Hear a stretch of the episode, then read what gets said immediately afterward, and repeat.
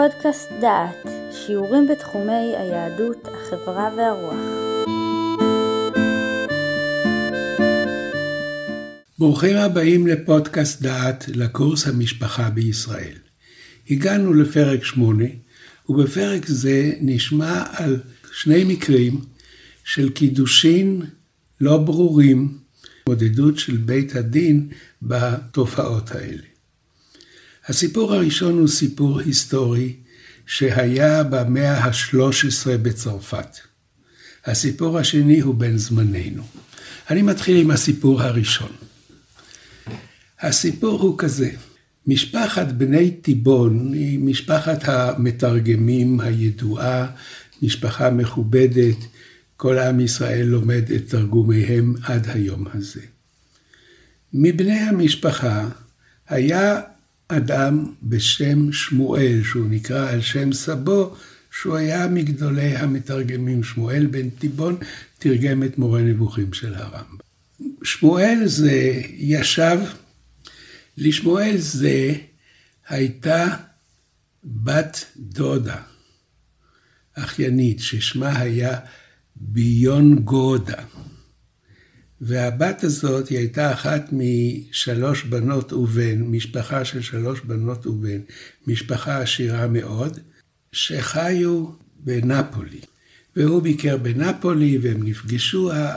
הביונדה הזאת הייתה ילדה קטנה באותם ימים שהוא פגש אותה, אולי בת שש, אולי יותר. בשלב מסוים אחיה מת, היו שלוש בנות ובן, הבן מת. הבן היה עשיר מאוד, והוא מת, ורכושו התחלק בין שלוש אחיותיו, ועכשיו הילדה הקטנה הזאת הפכה פתאום להיות אישה עשירה. ועברו הימים והיא התחתנה. היא התחתנה בבית הכנסת. שמואל אבן תיבון זה היה בבית הכנסת בזמן האירוסין שלה, ובית הכנסת חגג וכולם שמחו. ואז יום אחד מגיע האיש, שמואל בן תיבון, ומודיע לה, את ארוסתי. כשהיית קטנה אני הרסתי אותך, ואחר כך כשקצת גדלת שוב הרסתי אותך, ושלחתי לך מנות, ושלחתי לך סבלונות ומתנות, את אשתי. והשמואל הזה מביא עדים שראו כיצד הוא קידש את ביון גודה. והדבר מגיע לבית הדין. ובית הדין מתחיל לבדוק מה קורה פה, ואז הם מגלים שהוא התעורר לקשר שלו לביונגדה כאשר אחיה מת, והוא ידע שהאימא שלה, כשתמות תוריש לה את רכושה, מדובר פה בנערה עשירה, שלמרות שהיא נשואה, הוא טוען שהיא אשתו עוד מלפני כן, ועל כן הנישואים שלה עם בעלה אינם תקפים, והיא צריכה להיות אשתו. מה הוא בעצם רוצה? מובן מאליו, הוא רוצה כסף. הוא מגלה שהבחורה הזאת עשירה מאוד, הוא ממציא לה נישואין, הוא מביא שני עדים, ואחרי שבררו מי הם העדים, נתברר שהעדים האלה היו משולי החברה, אנשים שאי אפשר לסמוך עליהם בשום דבר. ושני העדים האלה מעידים שהוא נשוי. הדבר הזה הגיע לבית הדין, ובית הדין כתב דברים מאוד חמורים על שמואל בן תיבון זה, ופסק שאין שחר לטענה, והנערה איננה אשתו, והכל הכל בטל ומבוטל, דיברו דברים מאוד חריפים על ההתנהלות שלו. אבל הדבר הזה היה נקודת מוצא למצב משפטי חדש. נתברר שגם אישה נשואה, אם יש לה כסף והיא משפחה טובה, היא עדיין לא מחוסנת מפני בריון שיבוא עם שני עדים ויעידו שהוא בעלה. הוא בעלה, פירושו של דבר, את רוצה חופש, תשלמי בשביל גט. עכשיו אנחנו רואים מה היה הגורם שלאט לאט הנושא הזה של נישואין חדל מלהיות דבר שבין הזוג או המשפחות, והפך להיות עניין ציבורי יותר. אנחנו שומעים שהיו תקנות שהתהליך יהיה פומבי. נדרשו עדים. היו מקומות שהיה צריך שוועד הקהילה יאשר את הנישואין. הרב המקומי היה חייב להיות מעורב, ואנחנו שמענו שהוא זה שמברך את הברכות. במדינת ישראל נישואים חייבים להירשם במשרדי המועצה הדתית, ואחר כך זה מתפרסם בעיתונים. ואחרי החתונה מעבירים את הרישומים למשרד הפנים, ושם כל אדם רשום מה מצבו המשפחתי, נשוי, רווק, גרוש, כל האפשרויות רשומות במשרד הפנים. וזו גם הסיבה שבתי דין פרטיים נמצאים בעין הסערה של הרבנות הראשית, שהיא מאוד כועסת על אנשים שהופכים את שדה הנישואין לשדה קרב בלתי מבוקר. אם כן, זה היה השלב הראשון, ועכשיו אני מביא פסק דין שהתרחש בבית הדין הגדול בשנת 2015. הדיינים היו הרב אליהו אברג'יל, הרב אליהו היישריק והרב מיכאל עמוס. וכך כותב בית הדין: כדי להבין את מהותו של תיק זה, יש לכתוב בתחילה את השתלשלות הדברים. בתש"ע, ב-2010, היה דיון ראשון. התובע הוא אזרח חוץ, בעל דרכון, שבו לא כתוב אם הוא, מה מעמדו האישית, אם הוא נשוי או רווק, לא כתוב שם כלום. התובע הצהיר שהוא נשוי בצרפת לאישה אחרת, יהודייה. אבל הוא לא התחתן איתה כדת משה בישראל, אלא בנישואים אזרחיים. ועכשיו הוא במשפט כדי להתגרש מאותה אישה שהוא נשוי לה בנישואים אזרחיים. במקביל, יש אזרחית ישראלית שמופיעה, והיא רשומה כגרושה. היא פתחה תיק גירושין. שואל בית הדין את האיש, מה פשר הגירושין האלה? אתה נשוי לאישה בצרפת. אז הוא מספר שהוא הכיר אותה בארץ כשהוא היה נשוי, היה נשוי לאישה בצרפת, וכשהיא הייתה בהיריון ממנו, ההורים שלה ביקשו טקס נישואין למראית עין. אז הם עשו מין טקס של חופה וקידושין, רק בשביל ההורים שהם יהיו מרוצים. בצרפת יש לו אישה שנייה בנישואים אזרחיים, כי בצרפת אסור לעשות טקס דתי כאשר יש לאדם קשר של נישואים אזרחיים. אם כן, הבעיה עכשיו היא לברר איזה מין נישואין. האישה הזאת, שהיא תובעת אותו, הם מודים שהיו נישואין, אבל הוא אומר שהנישואין לא היו רציניים, זה היה רק הצגה בשביל ההורים, ובית הדין מתחיל לחקור איזה מין חתונה הייתה. שואל בית הדין, האם היה רב בחתונה? אומר, היה רב. ומביאים תמונה שיש רב.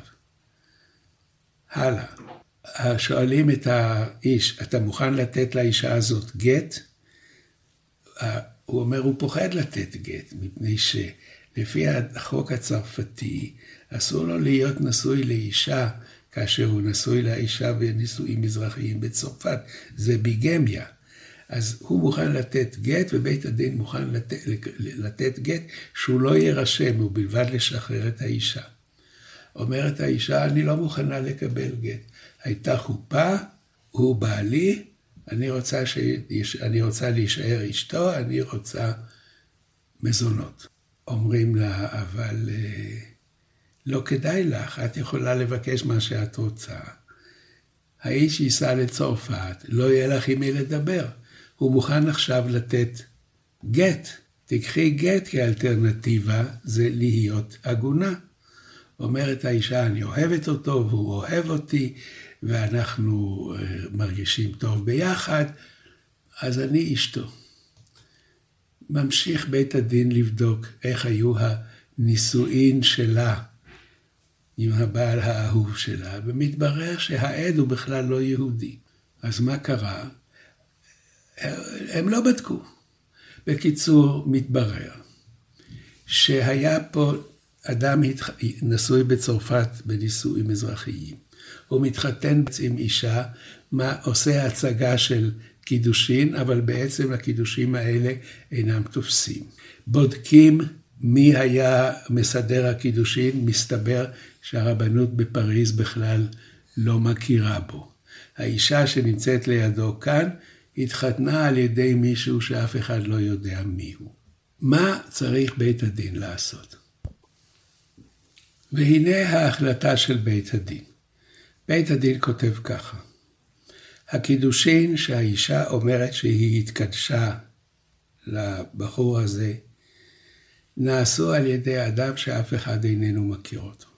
כשמתחילים לבדוק איזה מין חתונה הוא עשה, מתברר שהוא אפילו הביא עד שאיננו יהודי. כותב בית הדין, נוכח כל מה שהצלחנו לגלות עליו, זה לא הפתעה שאפילו הוא לא יודע שצריך עדים יהודים כדי לקיים נישואין. אם כן, מדובר פה בנישואים פרטיים על ידי אדם שאיננו מוכר ואיננו מוסמך, ואי אפשר לדבר יותר על, על, על הנישואים האלה. לכן, אומר בית הדין ככה, יש לנו פה שני אנשים שלכל אחד יש סיפור אחר. הגבר אומר שבעצם יש לו אישה אחרת בצרפת, ושהנישואין שהוא עשה עם האישה הזאת היו הצגה בשביל ההורים, ובעצם אין שום דבר. כשמבררים מי ערך את הקידושין, מסתבר שהוא אדם לא מוכר ולא מוסמך לעשות קידושין. על כן אומר בית הדין, האיש הזה איננו נשוי. הקידושין לא תפסו. אם הוא רוצה להתחתן, הוא יכול להתחתן עם מי שהוא רוצה.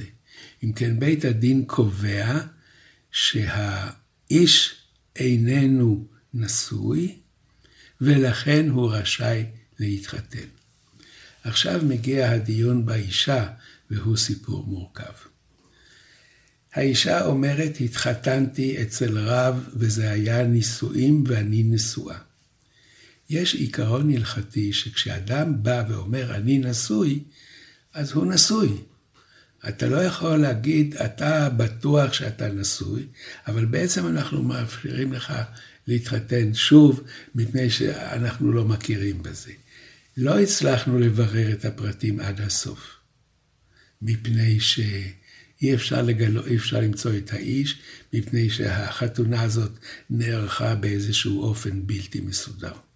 לכן אומר בית הדין לאישה ככה, אם את רוצה, תרצי להתחתן, אז יש לך שתי אפשרויות. אפשרות ראשונה, לקבל גט, הוא מוכן לתת לך גט. קחי גט ותהיי משוררת.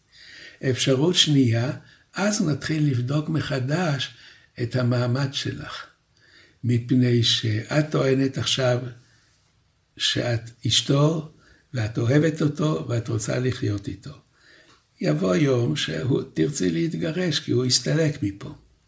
בית הדין לא נכנס עכשיו לפרטים של האישה, מפני שהאישה אין לה שום בקשה, היא לא רוצה גט. אז מה בית הדין יגיד? את לא, את לא רוצה גט ואת לא צריכה גט? אין פה נושא לדיון. בית הדין לא, לא עוסק בשאלות תיאורטיות. אם תרצי להתחתן, ולא תוכלי לקבל גט, מפני שהאיש הזה כבר לא יוכל, לא יסכים לתת לך, או שהוא ייעלם או משהו כזה, תבואי לבית הדין, בית הדין יבדוק את הנושא מחדש ויחליט מה לעשות. הבאתי את הדבר הזה כדוגמה לסיפור הראשון. מדובר פה בזוג שאף אחד לא יודע איפה הוא התחתן ואיך התחתן, והאישה אומרת שנשואה והבעל אומר שהוא לא נשוי. זה סוג הדברים שמערך הנישואים נלחם בו בכל כוח. לא ייתכן שאדם יבוא ויגיד, התחתנתי על ידי פלוני, והפלוני הזה אף אחד לא יודע מי הוא. והיו עדים ומתברר שהעדים אינם עדים. בית הדין לא יכול לשתף פעולה עם הדברים האלה. לכן, כשאנחנו מדברים על מסגרת חוקית נוקשה, שצריך להתחתן וצריך להירשם וצריך לפרסם וצריך עדים. המטרה היא להגן על הזוג, להגן עליהם מפני התפוצצות כל העניין, כאשר יתברר לפתע שבית הדין הזה הוא פרטי, הסמכות שלהם אפס, הידע שלהם אפס, וכל מה שהם עשו זה סיבכו את החיים לאישה שהיא עכשיו ספק יכולה להתחתן. שמעתם שיעור מתוך הקורס המשפחה בישראל, מאת פרופסור יהודה איזנברג. את הקורס המלא וקורסים נוספים תוכלו לשמוע באתר דעת במדור פודקאסט.